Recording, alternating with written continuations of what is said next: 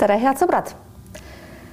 kohe saame jutu peale Jaak Aabiga, endise riigihalduse ministriga, kellest tänaseks päevaks on saanud haridusminister. tere tulemast, härra Aab. tere ma näen, te olete õppinud vahepeal maski kandma, kui me teiega siin viimati kohtusime, siis oli teil hirmus ebamugav, prillid läksid kogu aeg uduseks. kas täna on natuke mugavam? uduseks lähevad prillid ikka, nii et oleneb maskist muidugi. Ma arvan, et need korduv kasutatavad äh, või teatud maskid lasevad paremini õhku läbi, et siis ei lähe nii uduseks. aga midagi teha ei ole, kui me tahame, et see mask kinni peab, filtreerib, siis tal see õhi, õhu läbilaskus ei ole väga hea. tuleb ära kannatada, aga hoolimata maskidest ja põhjusest, miks me peame maske kandma, on teie elus olnud üks erakordselt hea aasta. Te olete saanud riigihalduse ministrina meeletult tähelepanu, nüüd vahetasite ametikohta.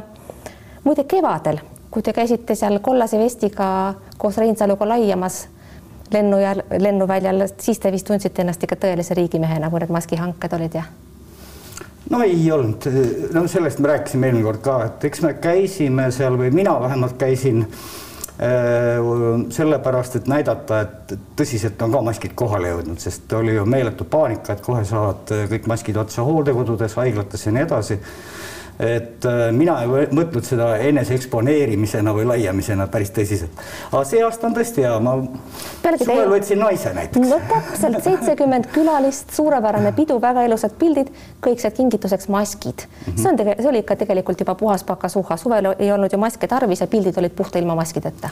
eks see oli mõeldud teatud sümbolina, et äh, noh jah, ega see ei ole kõige meeldivam uudis, et neid maske peab kandma, aga need olid tehtud sellise ilusa kujundusega, et jääbki sellest äh, koroona-aasta pulmast siis selline suveniir koju. no ja miks see teil täna siis ees ei ole? E, ja need on mul kodus olemas ja need on korduvkasutatavad filt, e, korraliku filtriga, nii et neid saab kasutada ja abikaasaga vahel kasutame ka ja siis peseme ära ja siis saab jälle kasutada. nüüd saite haridusministriks, teate, mis Facebookis räägitakse, räägite, et te saite haridusministriks ainult sellepärast, et te olete kolmandat korda abielus ja kõik teie abikaasad on olnud õpetajad, vastab tõele?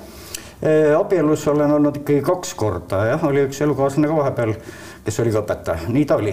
aga Juur ja Kivirähk, ma kuulsin, eile sõitsin autoga, ütlesid, et et mina sain haridusministriks sellepärast, et mul on selline perekonnanimi, et A ja B ja Aabits no üks variant on veel, te olete ka ise olnud õpetaja, tõsi küll, väga lühikest aega, muide te olete olnud isegi pioneerijuht. ei olnud pioneerijuht, nii suurt au mul ei olnud, ma olin huvijuht klassivälise töö organisaator, selline nimetus oli, direktori asetäitja, klassivälise töö. huvijuhid Alal... olid ju nõukogude ajal pioneerijuhid kõik? ei, eraldi tähendab keskkooliastmega, kes tegeles, see oli ikkagi see huvijuht ja kes väiksemal pool siis väiksematega tegeles, see oli siis pioneerijuht ja see ei olnud seotud küll mingise punase tööga. aga iseenesest te leidsite, et õpetajakarjäär pole teie jaoks, see aeg jäi teie elus väga lühikeseks, võhmas, kui te hakkasite karjääri tegema siis äh, olite juba Keskerakonda astunud ja rohkem te elus õpetaja pole olnud? ma õpetasin majandusõpet veel siis, kui ma olin ka Võhma linnapea, käisin koolis majandusõppetunde andmas, nii et, et kokku üle kümne aasta umbes ikkagi olen õpetajatööd teinud. üle kümne aasta, seda on siiski päris palju. jah. noh, läheb ka argumendina kirja aga räägime asjast, et äh, ma olen aru saanud teie jutu järgi, et haridusministri positsiooni täitmiseks pidas peaminister nõu ka Yana Toomi, Mihhail Kõlvarti ja Katri Raigiga. ma ei tea, kas see Raik pandi siia sappa, mina tean küll, et Yana ja Mihhailiga rääkis, ERR tahtis selle Raigi siia loetelu panna. Äh, mina tean, et Yana ja Mihhailiga oli räägitud. Äh, aga see ei ole ju loogiline, miks peaks. Äh, ministri pakkumise osas ma ei tea, võib-olla peaminister lihtsalt pidas nendega nõu. ma aga... mõtlengi, et see ei ole ju loogiline, mõlemad on Keskerakonnas siseopositsionäärid, tegelikult Ratas väga ei peaks tahtma, et nad valitsusse tulevad. no see on küll palju öeldud, siseopositsionäär on niisugune kah märgistav, et Mihhail Kõlvart on aseesimees, Yana Toom on juhatuse liige. mõlemad on välja öelnud, et nad ei pooldanud selle koalitsiooni sündi Äh, ma arvan, et äh, no mis puudutab valitsuskoalitsioonist ja EKRE-st, nad on öelnud, et äh, see on veidi problemaatiline. ma arvan, et venekeelse elanikkonna pärast ja valija pärast ja seda nad on öelnud tõesti, aga kõik need tegevused, mis me oleme valitsuses kokku leppinud, on nii Yana kui Mihhail olnud juures, nii et, et keegi ei saa öelda, et nemad ei oleks pidevas igapäevases juhtkonna protsessis kaasatud seda ei saa tõesti keegi öelda. liikleb veel üks versioon, et teie oleksite siis äh, asunud hoopis Tanel Kiige praeguse koha asemele, Tanel Kiik oleks saanud haridusministriks ja Anneli Ott oleks maandunud riigihalduse ministri kohale. see oleks iseenesest olnud ka päris huvitav vangerdus, miks see kõrvale jäi? No ma räägin, et kõiki neid vangerdusi või, või erinevaid äh, võimalusi oleks pidanud vist küsima kõige rohkem ikkagi peaministri käest, eks ju. no te olite ju juures, kui need jutud käisid äh,. ausalt öelda, esimesed kaks päeva need jutud käisid äh,, ma tean, et peaminister pidas nõu, pidas konsultatsioone küsis arvatavasti ka kellegi arvamust, kas keegi peab nagu noh, nõu, et kas milliste kohtade peale siis võiks keegi kandideerida mina sain peaministri kõne pühapäeva õhtul ja ja siis oli peaministril kujunenud välja selline positsioon, et ta nägi mind just selle haridus-teadusministri koha peal ja esmaspäeva hommikul juhtkonnas arutasime ja, ja, ja siis tuligi seesama käik, et äh, mind pakuti haridus-teadusministri koha peale. olete jõudnud juba füüsiliselt ümber kolida? Jah, ma olen ikkagi juba Haridus-Teadusministeeriumis alates eelmisest kolmapäevast. kas Mailis Repsi bussid jäid teile, need kuulsad bussid, millega käidi Horvaatias ja polnud meeles, et käidi? ei, mina ei tea, minu, sellega tegeleb ministeeriumi haldusosakond. aga millega te siia tulite siis, kas Repsi varad on ametiauti, autoks on Audi ja sellega aga kus need bussid jäid? ei tea, need on ministeeriumi käes, eks nad otsustavad, kuhu nad need panevad, ma ei tea. aga millal teie viimati riigivara oma huvides kasutasite?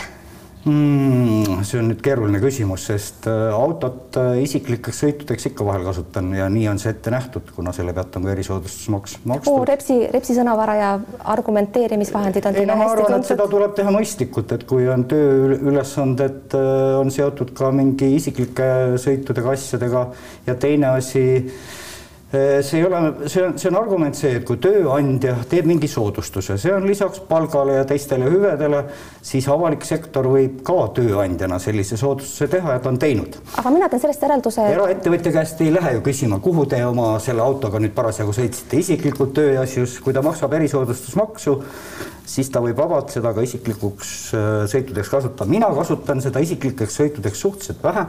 aga ma järeldan teie jutust, et ja töösõidud teen ka vahel ise nii, aga ma järeldan teie jutust, et Repsile tehti ikkagi ülekohut, lihtsalt äh, tema kasutas, kuna tal on kuus last ja ta kasutas palju rohkem kui teie, et siis sai ilmaasjata ametist lahti või kuidas? no ma arvan, et seal oli mitmeid asju, mis viisid selleni, et äh, Mailis Reps loobus ministriametist ja ja, ja, ja noh, on toodud küll erinevaid argumente, on autojuhi kasutamine ka isiklikel sõitudel, võib-olla siis ka äh, ei no mis eriargumenti, mina tahaks teada, mis teie arvate, kas talle tehti ülekohut või ei tehtud?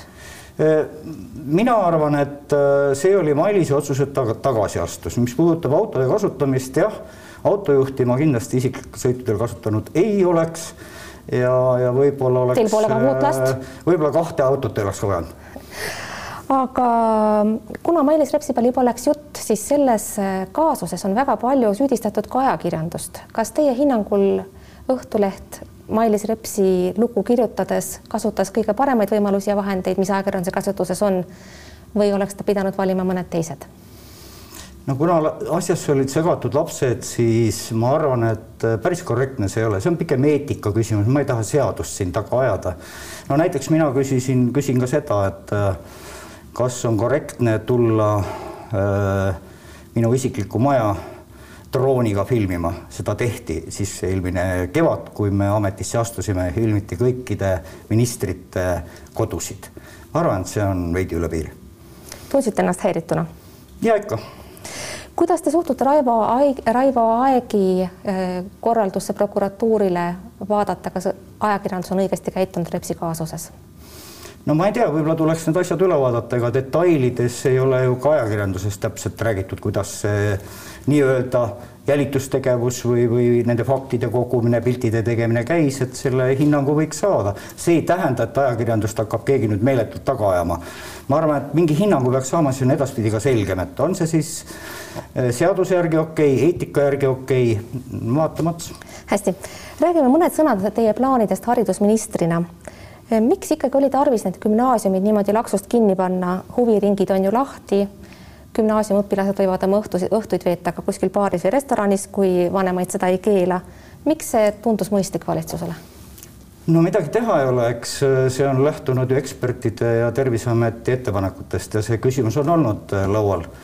Äh, viimased nädalad näitasid, et just gümnaasiumiastmes tegelikult levis nakkus väga kiiresti noored inimesed muidugi on tihtipeale asümptomaatilised, ise ei põe, aga sealt ta levib edasi laiali peredesse, kollektiividesse, eakamate inimesteni. no aga kus on see loogika, huviringid on lahti, isegi laulukooris tohib käia. huviringid on piiratud uh, ulatuses, kümme, kümme inimest uh, huvihariduses praegu nendes samades regioonides, Tallinn, Harjumaa, Ida-Virumaa ja kui me tahame kuidagipidi piiri panna sellele levikule, siis kuskilt me peame piiranguid rakendama. Eesti on kõige leebemaid piiranguid siiamaani rakendanud.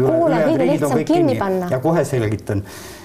kuna kõige rohkem, kui me vaatame noori või lapsi, kõige rohkem oli levikut just nimelt gümnaasiumiastmes, ehk siis nemad sotsialiseerusid kõige rohkem, nende vahel levis see kõige rohkem läbi huvihariduse, läbi koolihariduse ja kui me tahame neid kontakte vähendada, siis see on ekspertide Terviseameti arvamus. Ja see ja see kehtestati Terviseameti korraldusega, mitte valitsuse korraldusega. hästi, Kõlvart tahab hakata teiega arutama õige pea erandeid, kontaktõppe erandeid Tallinnas, millal te laua taha maha istute?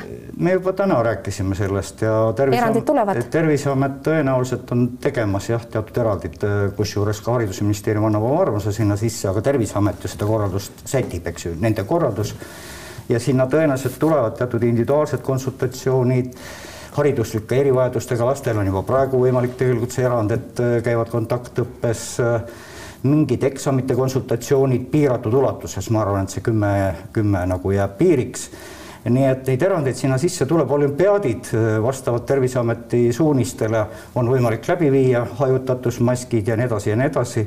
et neid soovitakse ka teha ja ma arvan, et see erand ka tuleb hästi, Jaak Aab, põhimõttelised küsimused, aga palun lühikesed vastused. Te olete öelnud, et tahaksite parandada eesti keele õppimise võimalusi eelkõige just vene lastele. see on probleem, millega on tegeldud väga pikki aastaid. missugune on see teie võluvits? Ju ei ole piisavalt tegeletud, ega see võluvits üleöö ei toimigi. mis teie plaan on, mõne lausega? igal juhul tuleb üle vaadata õpetajate ettevalmistus, tuleb vaadata õpetajate täiendkoolitus Äh, vaadata, millise motivatsiooniga inimesi saaks õpetama eesti keelt. Ida-Virumaas on tihtipeale, Ida-Virumaal näiteks on tihtipeale ju see, et venekeelne õpetaja on läbinud küll võib-olla mingid kursused, vahel ei ole ka läbinud, õpetab venekeelset last rääkima eesti keeles, iga kord ei kuku see väga hästi välja. väikekoolide säilitamine jällegi kõlab nagu utoopia, ääremaastumine toimub täistuuridel. kust te leiate raha väikekoolide säilitamiseks, on teil mõni kokkulepe selleks no,? nii nagu Anneli Ott, ka mina olen üritanud ääremaastumisele võimalikult palju vastu võidelda, ikka üht-teist on tehtud, see mõju kindlasti ei ole kohe tuntav, aga ma loodan, et igal juhul hullemaks see seis ei tohiks minna praegu on just see seis, kus eh, on eh, haldusreformi järgi, haldusreformi järgi on ühinemislepingud ja see on kohaliku omavalitsuse kool ja ta saab ise otsustada, kuidas seda koolivõrku kujundab.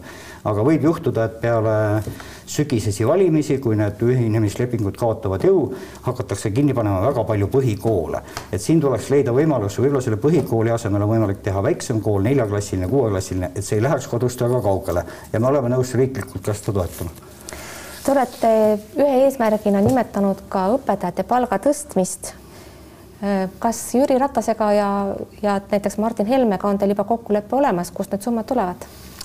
kui Jüri Ratas äh, tegi mulle selgeks, et äh, tuleb vastutus võtta haridus-teadusministri koha suhtes äh, ja noh, midagi teha ei ole, seda ma olen ka põhjendanud, miks neid vastutusi siis võetakse.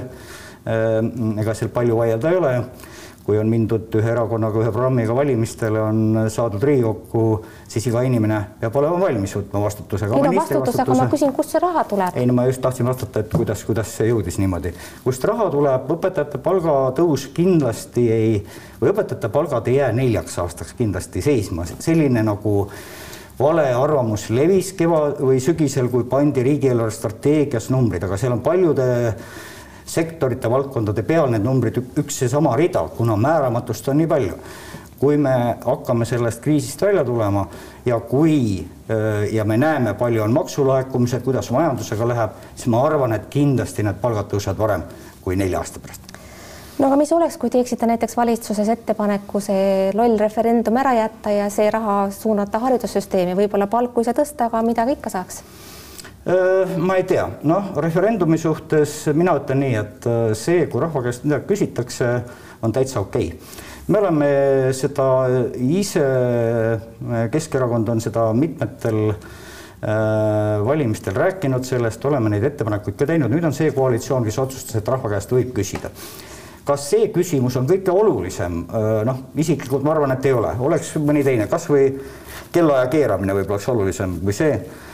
Ja, ja see, mis puudutab inimeste arvamust abielu suhtes, mis on meil perekonnaseaduses kehtestatud, kas on ka teised vormid kooselus olemas, muidugi on olemas ja neid ei peaks vägisi reguleerima enam. aga rahva käest arvamust küsida võib aga kui nüüd hääletamiseks läheb ja teie lähete ka hääletama, siis teie kirjutate sinna ei või jah, arvestades praegust küsimuse asetust, nii nagu ta on avalikult teatavaks saanud mm,? noh, jäägu see minu, minu enda otsustada, see ongi küsitluse ja, ja ka anonüümse küsitluse mõte, et küsitakse Eh, et inimene saab oma arvamuse avaldada. no kuna ma olen abielus, eks ju, ja, ja, ja, ja alles hiljuti nagu äh, naise võtnud, siis pigem jah, kaldun sinnapoolele, kus on see traditsiooniline vastus, eks. aga see on iga inimese sügavalt isiklik asi see on isiklik asi, aga valitsuse liikme puhul tahaksime teada, nii et teie lähete ja kirjutate sinna sedelile? tõenäoliselt küll, jah. aga samas Keskerakonnas ei ole, ei olda selles küsimuses sugugi ühtsed. millel äh, põhineb see eeldus, et Keskerakonna hääled võiksid pidada, kui Riigikogus hääletamiseks läheb? no nii nagu ma ütlesin, et äh, esiteks on Keskerakond pooldanud, et selliseid küsitlusi rahva hulgas võib läbi viia erinevatel küsimustel, me oleme sellest rääkinud päris mitukümmend aastat, seda pole tehtud. viimane taoline küsitlus oli siis, kui me Euroopa Liitu astusime, eks ja no tegelikult see koalitsioonilepingusse on see saanud ikkagi praegune abielureferendum puhtalt EKRE algatusel. E, seal on suur vahe, kas keegi, rääkida presidendi otsevalimistest või ei, keegi, sellest. keegi tegi sellest ju saladust, et see oli EKRE ettepanek, aga koalitsioonilepingu läbirääkimisel e, oli selline noh, ma ei tea, kokkulepe, et see kirjutatakse sinna sisse ja viiakse selline küsitlus läbi. E, ma arvan, et jah, kõige rohkem soovis seda EKRE aga ikkagi Keskerakonnas, et te kindlasti arutate inimeste vahe, inimesed omavahel ja noh, mulle teadaolevalt päris paljud inim-, inimesed, Keskerakonna liikmed on sügavalt häiritud sellest teemast, et riik topib oma nina inimeste eraelusse sellisel viisil ja tegelikult pole ju selle küsitluse eesmärk midagi muud kui ühe osa inimene määramine justkui teise sordi kodanikeks. et kas te olete ikkagi päris kindel, et need hääled lõpuks Riigikogus peavad, kui asi sinnamaani peaks jõudma? ma ei oska öelda, eks seda Riigikogus teatakse paremini või fraktsioonides, äh, kas see otsus siis võetakse sellisel kujul vastu, et viia see rahvaküsitlus selle küsimusega läbi mina ei dramatiseeriks seda küsitlust, meil tehakse temast, äh, maalitakse natukene liiga värvikalt seinale tonte kui me küsime mingit küsimust rahva käest, äh, minu arust see on loomulik, seda võib küsida, sealt me saame tunnetuse, mida rahvas arvab. ja siis on juba poliitikute otsustada, kas ta kandub edasi kuidagipidi noh, nii et siis perekonnaseadust ei muudeta näiteks või siis äh, niipea Eestis samasooliste abielu ei tule see on ikkagi poliitikute otsustada. kas pole siiski niimoodi, et kui juba küsitlus korraldada, siis peaks sellel olema ka siduv tulemus ja peaks olema niimoodi, et inimesed saavad aru, mis nende ei ja jaa no, maastikul kaasa toob? ma ei ole jurist, aga noh, seda on ju üritanud isegi juristid seletada, ei ole ka ühel arvamusel. kui tuleb hea, siis lähiajal keegi perekonnaseadust muutma ei lähe, et meil oleks samasooliste abielu samavõrdne kui, kui mehe-naise vaheline abielu, see on selge. kui tuleb ei, siis mina ütleks küll, et ma ei tea, mis juristid lõpuks on kokku leppinud siis me peaks mõtlema sellele, et tuleks äh, need kooseluseaduse rakendusaktid minimaalselt vähemalt vastu võtta. muide, Jüri Ratas ütleski üks päev täiesti ootamatul kombel välja, et mis oleks, kui võtaks rakendusaktid vastu, keegi temalt seda ei oodanud. kas see oli mingi tõsine mõte või on see asi, mida te Keskerakonnas olete arutanud? Tähendab, nende rakendusaktide suhtes on olnud ka eriarvamusi meil Keskerakonnas ja üldse see, et miks meil pole nüüd kindlat ühte seisukohta ka selles küsitluse suhtes, et peab kohe erakonna arvamus olema erakonna seisukoht. no teilt oodatakse seda isegi Euroopast, et te võtaksite, võtaksite ongi, seisukoha ja teeksite kampaania. ongi eriarvamusi meil erakonnas ja me oleme seda arutanud ja me oleme otsustanud et inimene saab vabalt valida, me ei kujunda siit sellist ühist seisukohta, et nimelt peab olema nii või naa, meil on erinevad arvamused. Ja ma arvan, et see küsimus on ka kuidagi sügavalt nii isiklik, et igaüks äh, otsustab äh, küsitlusel ise, mis ta vastab ja me ei pea seda peale suruma, seda tulemust või ette ei erakonna liikmele ega ühiskonnale. oot-oot, kas ma saan õigesti aru, Keskerakond annab hääletamise vabaks, parteidistsipliini äh, tõenäoliselt küll äh,, ei, see, et küsitlus läbi viia, me oleme kokku leppinud, aga nüüd, et kujundada ühist seisukohta, kas me vastame jah või ei, seda kindlasti ei tule. aga miks ma seda üldse küsin, on põhjus, et Isamaas käärib mäss ja pruugib Kiislerile, Ladõnskajale ja Saaremäele lisaks ära rääkida veel mõni inimene või, või nii-öelda langetada otsus, et ta hääletab ei, siis kukub see asi juba üsna kiiresti kokku, võib-olla koos koalitsiooniga. noh, ega see nii väga lihtne ei ole, me teame, et sinna saab ka muudatusettepanekuid teha. kas neid saab kuidagi grupeerida, kuidas tuleb see lõpphääletus selle otsuse eelnõu üle? Kas äh, lisaks Isamaa erakonnale veel keegi kuidagi äh, kahtleb selle hääletuse juures, ma ei tea, eks elu näitab aga see alge ootus, et Keskerakond äh, teeks ei kampaaniat, kuidas sellega on? Äh, me oleme selgitanud oma seisukohti just nimelt Aldele ka, et me selles küsimuses äh, ei kujunda nagu erakondlikku seisukohta ja ei tee ühelegi poole kampaaniat just nendel põhjustel, nagu ma rääkisin. küll aga oleme me selle küsitluse läbiviimise kokku leppinud ja see küsitlus tuleb ja põhjused oleme ka selgitanud kuidas te tundsite ennast päevil, mil Mart Helme oli veel valitsuses ja iga kord pärast ühte teatavat raadiosaadet võis plahvatada pomm, sealhulgas rahvusvahelistes suhetes? jah, mina seda raadiosaadet kuulanud ei ole, küll olen lugenud neid kommentaare, mis ajakirjandus kirjutab alati peale seda raadiosaadet ja muidugi ma ei nõustu nii mõnegi asjaga, mis seal raadiosaates maha on öeldud, minemata detaili minemata detaili. mis puudutab igapäevast tööd Martin Helmega, kus me olime ju praktiliselt ühe koridori peal erinevates otsades kabinetid, siis minu arust see on olnud päris tulemuslik, see igapäevane sisuline töö on olnud tulemuslik ja ka valitsuse töö on olnud äh, tulemuslik, mul on kahju, et tihti nende teatud väljaütlemiste, skandaalide äh, Äh, pärast ei paista see sisuline töö välja, et tundub, et valitsus tegeleb kurat teab millega. me teeme, noh, ma, ma saan võrrelda eelmise aga, valitsusega. aga ausalt, nii see ongi, täpselt nii see välja paistab. aga see on ajakirjanduse asi, kuidas ta kajastab valitsuse tööd, et. Äh, aga see on ju ka valitsuse asi, kes sinna valitsusse kuuluvad, kas pole nii? seda küll, aga me teeme valitsuses päris sisulist tööd, aga mitte keegi ei tunne selle vastu huvi aga äh, lendavad ainult sellised uudised. aga, aga miks ta siis, miks te siis ei muuda valitsuse koosseisu, et teie sisuline töö ka välja paistab? aga me, me saamegi selles valitsuses teha väga hästi sisulist tööd. eelmises valitsuses see oli keerulisem. aga kas teil pole endal vahele kahju, et see nii halvasti välja paistab või nii vähe välja paistab? ma ei tea, äh, see, mis tänasel kliki ajastul kuskil välja paistab või paistab, mul on selle kohta isiklik arvamus. see on palju erinev seda. sellest, mis oli viisteist aastat tagasi, kui ma olin esimest korda minister. hästi võtame lõpetuseks kokku ka teie teekonna riigihalduse ministrina. Te jõudsite eespool juba viidata, et äh, olete teinud enda meelest ära palju tööd. avalikkusele, olgem ausad, see nii välja ei paista. palun võtke lühidalt kokku oma saavutused, näiteks ääremaastumise vältimisel noh, nii eelmise kui praeguse valitsuse ajal ma olen olnud ju sama postil, et äh, alustasime kahte regionaalprogrammi, me oleme konkreetsete meetmetega üritanud siis kahes piirkonnas vähemalt aidata elu arendamisele kaasa, need on Kagu-Eesti ja Ida-Viru kohalike omavalitsuste tulubaas on tõusnud viimase kolme aastaga kolmkümmend või kogutulu kolmkümmend protsenti, eh, mida üheski teises sektoris pole. Ja see on esimene regionaalpoliitiline meede, kui omavalitsusel on piisavalt ressurssi, siis ta saab seda kohalikku elu parandada. peale haldusreformi selline tulubaasi kasv tuli. Ja riigireform. Neljas ministeeriumis toimusid konsolideerimised, noh, sellest ei ole eriti räägitud, aga see on toimunud. Ja niisugust äh, ütleme, ametite, asutuste ühendamist äh, Eesti ajaloos pole olnud varem. Martin Helme on kevadest peale rääkinud, et mingisugust kärpimist riigisektoris ei tule, kuna see pidavat äh, olema kasulik majanduse tervisele. see on väide, millest ma pole kunagi aru saanud. olge hea, selgitage teie mulle seda lühidalt noh, tegelikult on teatud kärped nii või teisiti olnud, et teatud kulutused on tegemata jäetud, võtame noh, väiksemadki kulutused asutustes, ametites, olgu need lähetused, olgu need mingisugused muud kulud. Äh, äh, neid ei ole kulutatud ja nende kulude arvelt on tehtud erakorralisi kulusid, mis on vajalik olnud koroonakriisi tegutsemiseks. kõigis ministeeriumides on selliseid erakorralisi kulutusi ka. ja me oleme öelnud, et avaliku sektori palk ei tõuse ja oleme pannud selle seisma. kahjuks seal on ka õpetajate palk, eks ju, mis oleks võib-olla võinud tõusta, aga niisugune oli otsus. ja kevadel vaatame eelarvestrateegiale uuesti otsa kõige viimane küsimus, kas pärisite Mailis Repsilt ka kohustuse lohutada Jüri Ratast, kui tal on vahel kurb, häbi ja piinlik? Jüri Ratasega me peame, oleme varem ka nõu pidanud ja pean, ma olen ka juhtkonna liige, koguneme, peame nõu ja, ja räägime siis, kui äh, peaministril on mingeid küsimusi, tõstatab mingeid probleeme, arutame läbi, kuidas selle või teise probleemiga tegutseda. ma ei tea, äh, kas seda nimetada lohutamiseks, pigem, pigem mõtleme, kuidas, kuidas asju lahendada.